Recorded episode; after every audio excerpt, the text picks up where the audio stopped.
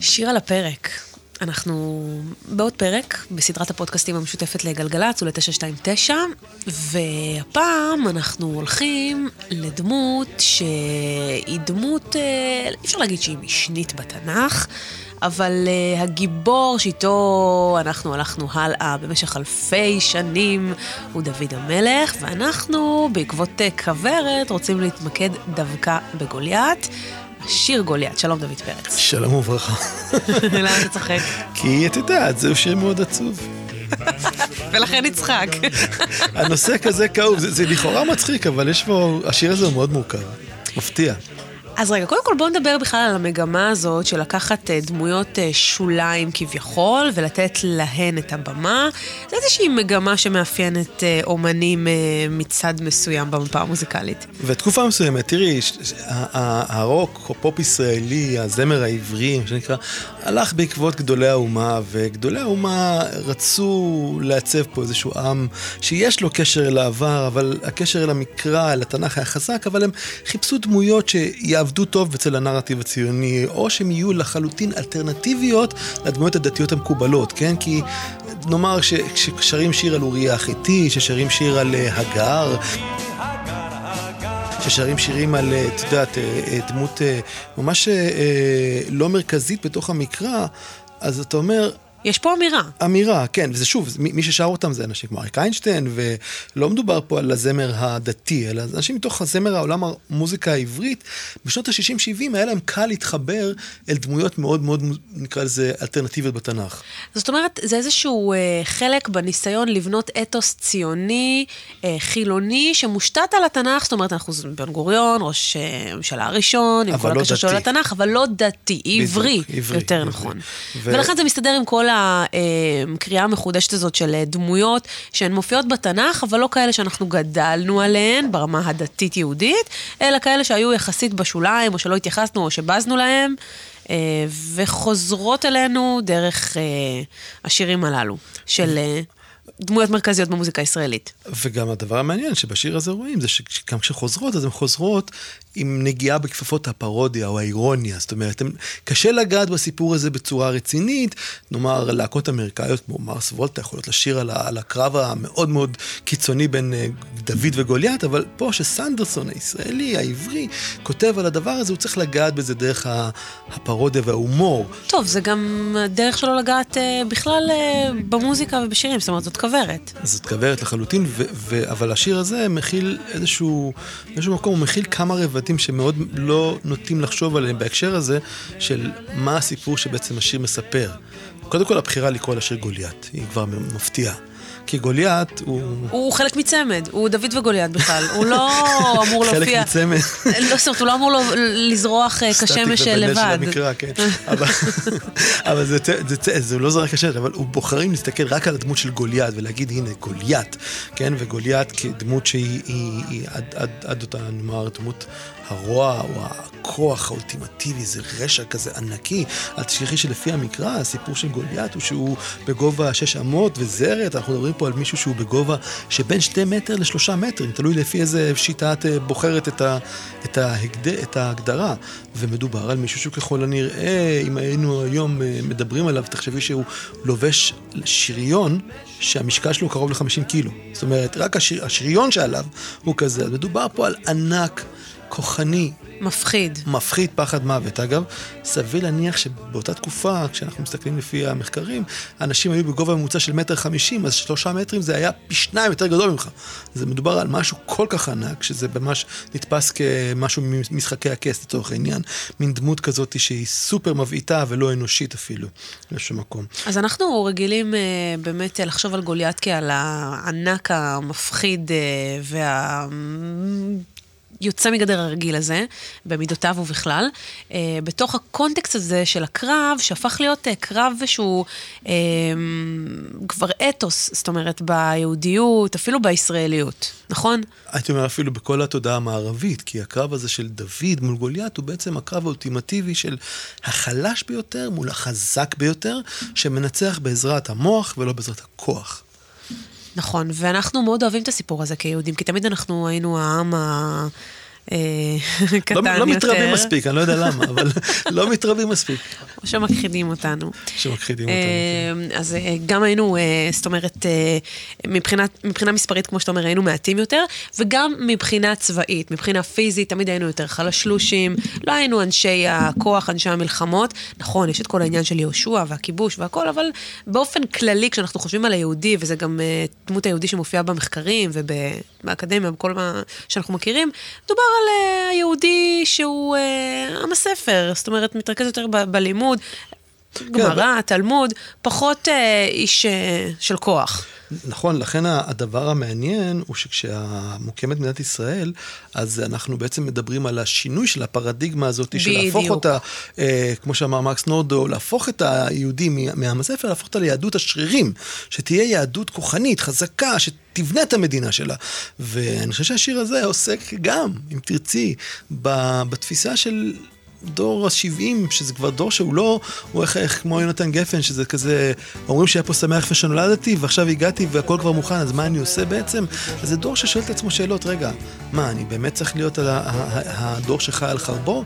האם אני חייב להיות בקונטקסט הזה של אנחנו המעטים מול החזקים, ואולי באיזשהו מקום בדרך הפכנו להיות אנחנו החזקים? אולי השאלות הללו צפות אה, גם בגלל התקופה אה, שהשיר הזה יוצא בה. זאת אומרת, אנחנו מדברים על שנת 75, שנתיים אחרי מלחמת יום הכיפורים, אה, שמהדהדת הנוראית. היטב היטב ברקע, וגם הוועדות שבאות אחר מכן, ובעצם דנות ב, ב, בהשלכות של המלחמה. זאת אומרת... וכל המחשבות על שיכרון הכוח שבא בעקבות מלחמת ששת הימים. כן, אם תרצי, כשאני מסתכל על השיר הזה, אז אני בוחן אותו, אז אני אומר, בששת הימים מאוד היה ברור לישראלים שהם דוד והאויב הוא גוליית. וביום הכיפורים כבר לא היה ברור מה הסיפור פה. זאת אומרת, האם הסיפור הוא שגוליית, אה, אנחנו עדיין דוד?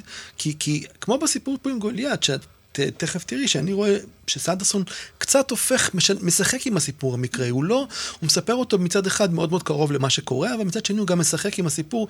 אני תוהה אם גם, גם פה ב- ב- ב- באמירה הזאת של השיר גוליית, אין בזה איזושהי אמירה שאומרת, אולי שיכרון הכוח דבק גם בנו, אולי כדאי להיזהר. אז בואו בוא ניכנס רגע למילים של השיר של אה, כוורת. אה, אלון אולארצ'יק ודני סנדרסון אה, כתבו, דני סנדרסון הלחין, וזה כמו שאמרת, מתחיל במילים, זהו שיר מאוד עצוב, הנושא כזה כאוב, כבר כשהוא כשהוא אומר את זה, אתה כבר, את החיוך מתחיל להתפשט לך על הפנים. בגלל הלחן, אבל אם את מורדת את הלחן, ואת שמה לב שהשיר הזה, בעצם להגיד, זהו שיר מאוד עצוב, לכאורה תסתכל על זה כפרודיה, אבל אם מסתכלים על זה, בסופו של דבר, כשנגיע אל סוף השיר, יתברר שזה באמת יכול להיות שיר עצוב, כי, כי ה, ה, הנושא כזה כאוב, שמה זה הנושא הכאוב? הנושא הכאוב, ואני מבין את זה ככה, או הפרשנות שלי יותר נכון, היא שזה בעצם ההתמכרות לשיכרון כוח הזה של אנחנו הקטנים והמסכנים, שתמיד חייבים להילחם בגיבורים הגדולים, ולפעמים אנחנו כבר לא שמים לב שאנחנו ה, ה, ה, החזקים. אז, אז... אז הוא ממשיך משם, והוא אומר, אה, כן, תשים תחבושת לא יעזור לך שנתיים, הגיבור של הסיפור, להגיד אותו אסור, כן, שזה קצת מרפרר להארי פוטר ולכל ה- העניין שזה רשע כל כך מוחלט, שאתה אפילו לא יכול להגיד את שמו, היא אה, זה שאסור לנקוב בשמו. זה ממשיך, כל התנ"ך פחד ממנו כמו מפיל, אה, גיבורים ברחו הביתה, לוחמים זייפו את הגיל, הם קראו לו השד מאשקלון. הביתה, לוחמים זיפו את הגיל, הם קראו לו השד מאשקלון. כבר כל הכוח הזה מקבל אה, ממדים אה, מאוד אה, לועגים, מקטינים. לאו דווקא מקטינים, פשוט כל העסק נהיה מאוד מאוד הומוריסטי, וזה הופך להיות מין עיסת לצים כזאת, שאתה לא ברור לך באמת, כמו שאתה אומר, מי דוד, מי גוליית, מה קרה פה, פשוט... לא רק שלא ברור, גם, הוא גם טועה, הוא, הוא לא גוליית לא מאשקלון. אני יודע שעבור הרבה אנשים אשקלון קריית גת זה אותו דבר, אבל הוא, גוליית הוא איש גת. גוליית מגיע מגת, כך אומר המקרא, ולפ... ויש אפילו שטוענים שהשם שלו הוא בעצם חרוז, גוליית וגת, גת, כן, שמאכל בתוכו. אז לכן להגיד שהוא מאשקלון, הוא, הוא לא רק שלא מדייק פה, זה אפילו אה, אה, אה, הטיה. ו... והעניין המעניין הוא שהוא מתואר, גוליית מתואר בתור איזשהו אה, עבדקן, פעם היו אומרים את המילה הזאתי, מין איזשהו ילד שכבר בגיל חמש, כן, הוא, הוא אה, מביא הביתה סלע, הוא, הוא, הוא, הוא מתנהג אל הילדים כאילו איזה דון במאפיה, כאילו, אה, תגיד שלום, כן, הילדים עוברים לדום, זה מין כזה טוב, טיפוס שהוא בוס. גולי גוליית, גולי גוליית. זה לכאורה גולי גוליית, כן, הנה בא אליי, בא אליי גולי גוליית, מקווה שלא ידרוך עליה, יעשה אותי גמד.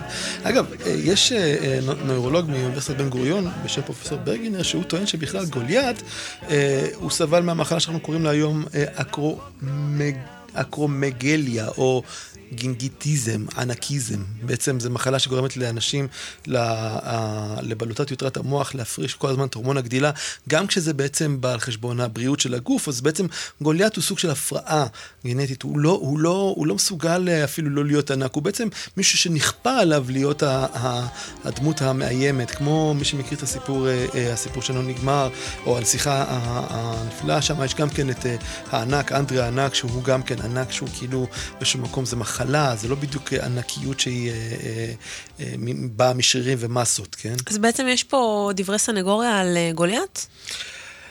אני חושב שהוא הוא, אה, הוא דמות אה, ש- שעם שק תפקיד, כן? אה, אבל... אבל- שמע, אבל- אם אבל אנחנו מסתכלים על ההקשר התנ"כי גרדה, אז יש כן. פה את גוליית שהוא, אה, אתה יודע, מאוד גאוותן, מאוד בטוח בכוחו ובעוצמתו, ופה אין מה לעשות, סנדרסון קצת אה, אה, מקטין את זה, זאת אומרת, הופך אותו למין יצור כזה שהוא לא תמיד בטוח בעצמו, קצת גולי גוליית כזה, ילד אה, שנכפה עליו כל התפקיד הזה של אה, להיות האיש החזק אה, במערכה, אה, ואחרי זה גם אנחנו מגיעים לבתים היותר מאוחרים, ו... אה, שם הוא בכלל הופך את הסיפור. נכון. כן, כי בסיפור המקורי, אתה יודע, דוד מגיע לשדה הקרב, או בכלל בהתחלה אומר, אני אגש מול הגוליית הזה, ואומרים לו, הרי, הקרב הוא מרתק, כי הם נמצאים בעמק עמק האלה. הפלישתים מגיעים מכיוון מערב, שהם באים מכיוון גת ואשקלון, והם נמצאים באזור שבו רואים את עמק האלה, וה, והעברים מגיעים, בני ישראל מגיעים מכיוון ירושלים, אז הם, דוד בא מבית לחם, והוא רואה שאף אחד לא, לא מוכן לצאת אל הקרב, הרי גוליית עומד באמצע העמק ואומר, יאללה בוא, במקום להילחם צבא בצבא, נעשה את זה דו-קרב, מי שמנצח בדו-קרב, מי שנצח אותי, אנחנו נהיה לכם עבדים, אם אני מנצח אותו, אתם תהיו עבדים שלנו. עכשיו, דוד בא, נער, כן, אין לו שום ניסיון קרבי, אפילו אחר כך ששמים עליו את השריון, הוא לא מסוגל ללכת עם השריון, הוא אומר, כבד לי השריון הזה, והוא בא ואומר להם, יאללה, תנו לי. בא כאילו- משום מקום. אבל, אבל... אחים כל- שלו מתייחסים אליו בזלזול. אח שלו הגדול אליאב אומר לו, תחזור, תחזור הביתה, מה עזבת פה את הצאן? מי אתה בכלל? מה נראה כן. לך שאתה עושה? והוא, ושאול שומע את זה, ושאול, אני, אני, אני די נדהם מהעניין הזה, הרי שאול שם את גורל כל העם על סמך הכתפיים של נער שהגיע רועה, אפילו לא מיומן למלחמה, ואומר לו, טוב, יאללה. יכול להיות שלא הייתה לו ברירה אחרת. זאת אומרת, זה נראה כל כך מופרך, שיכול להיות שזה בעיניו נראה כהגיוני. אוקיי. אגב, בסוף הפרק זה מרתק, כי בסוף, אחרי, בפרק המקראי, בסוף הפרק דוד מגיע עם הראש של גוליית, ואז הוא שואל אותו, מי אתה? אז אתה אומר לעצמך, מה, מה זאת אומרת? אותו?" מה כן. מה קרה פה? אה, אני חושב, לדעתי זה קשור למלחמת גרסאות מי הרג את גוליית, אבל על זה נדבר בהמשך. אבל בכל מקרה, דוד... ויכול להיות שהוא כבר רואה כאן מישהו שיכול ללכת ולצבור כוח אה, ולהחליף את כן. אה, שאול, אז הוא לא ממש מתאים לו להרים אותו למעלה. אבל איזה הימום מטורף זה לשלוח נער צעיר, ואז הנער הצעיר הזה יורד למטה אל העמק ובא אל גוליית, וגוליית בהתחלה מתעצבן, אומר, מה אתם שולחים לי ילד? מה אתם, מה אני כלב? אתם רוצים לתת, לבוא איתי במקלו? אין לו אפילו חרב. אבל רשום אגב שהוא אה, מקנית את אה, דוד, בגלל שהוא היה דמוני ויפה מראה, אה, אני לא זוכרת את הציטוט המדויק, אבל דני סנדרסון הופך כאן את העניינים ואומר, ושם בפה של דוד את המילים, בוא אליי גוליית נחמד, שב אצלי על כף היד. הוא זה כן, שמתגרה בו. הוא זה שמקטין. הוא זה שכאילו בא אליו כבריון שכונתי ואומר לו, בוא, בוא, בוא, בוא, בוא, בוא, מי ייתן לך עכשיו, אני אתן לך אחד כזאת. בוא אליי, שב אצלי על כף היד, כאילו, תחשבי, זה התגרות מוחלטת, זה לא סתם שהחלש הולך מול החזק, החלש גם מתגרה בחזק, הוא אומר לו, תקשיב, אה, בוא נראה אותך. זאת אומרת, זה לא במקרה. דני סנדרסון גם אה, נותן קונטקסט מאוד אה, אה, הומוריסטי ומלעיג להכל, וגם הופך קצת את הסדר, אה, ואנחנו יוצאים מבולבלים. מדוד, מגוליית, איפה אנחנו בתוך כל הדבר הזה? אנחנו מבחינת אה, ישראל של אז, של אמצע שנות ה-70, אה, ובידי מי הכוח? ואולי זאת האמירה, שאנחנו לא יודעים. אנחנו לא יודעים, בסופו של דבר אני חושב שהשיר הזה הוא לא שיר מוחלט, הוא לא, הוא לא קובע עמדה לכאן או לכאן, אבל אני חושב שדווקא אבל הוא גורם לנו לשאול שאלות. בדיוק. דווקא בגלל שהוא הוא, הוא עוסק בצורה מאוד מעניינת, ואפילו שם אותו בכותרת השיר. השיר לא דוד וגוליית, השיר הוא גוליית. זאת אומרת, הוא המרכז של השיר הזה, אז אתה שואל את עצמך שאלות בעצם לגבי המשמעות של הכוח. ופה... דווקא הלחן והביצוע, שהביצוע הוא מאוד מאוד הומוריסטי, עם קולות גבוהים ומצוננים, וכל ה... גת קטי נגן, וכל הדברים האלה, שבעצם הם, הם, הם קצת מסיחים את ה... את ה, את ה נקרא לזה את תשומת הלב אל המקומות שעוסקים ב... אה, בהתפעמות מהשיר ופחות במחשבה על בעצם מה אתה אומר לנו כאן. מה השורה התחתונה שאתה מנסה לספר לנו בתוך השיר שלך, או בכלל בסיפור, גם אם אין שורה תחתונה. אבל זו תמיד הדרך הכי טובה לייצר איזושהי אמירה, להסוות אותה אה, בכל מיני אמצעים, במקרה של סנדרסון זה באמת ההומור, אה, וככה להשחיל את האמירה שהיא לא אה, אה, תגרום לאף אחד להניף אה, כל מיני דגלים או כל מיני חומות, וככה להשחיל את האמירה מתחת לפני השטח, אה, והנה, אנחנו היום מדברים עליה. אני חושב שזה... זה... וזה גם עזר לשיר להפוך להיות אה, מאוד מרכזי בתרבות הישראלית, זאת אומרת, אם האמירה הייתה יותר מדי בחוץ, בחוץ, אז יכול להיות שהוא לא היה מגיע למעמד שלו היום. לחלוטין אני מסכים איתך, אני חושב שבכלל סנדרסון, גם לאורך הקריירה שלו, הדרך שלו להגיד דברים מאוד קשים היא על ידי העטיפה שלהם בהומור ובאיזושהי אה, אה, כתיבה מאוד שנונה וחדה ומצחיקה. צריך לומר, גם מצחיקה. ילד קטן מאוד מאוד צחקתי מהשיר הזה, זה הצחיק אותי מאוד, וכשחזרתי כמבוגר, פחות צחקתי ממנו והייתי יותר קשוב לסיפור שבתוך הסיפור.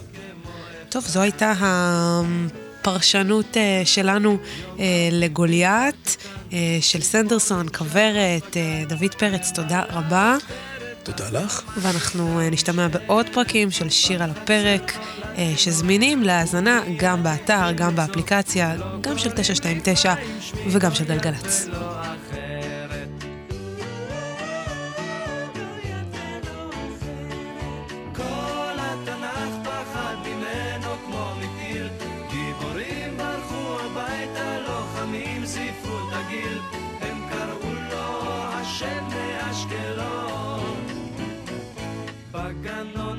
שלום, ילדים עברו לדום, בן חמש הוא כבר הספיק להביא הביתה סלע, התאמן כל יום שעות, ולהפריע לחיות.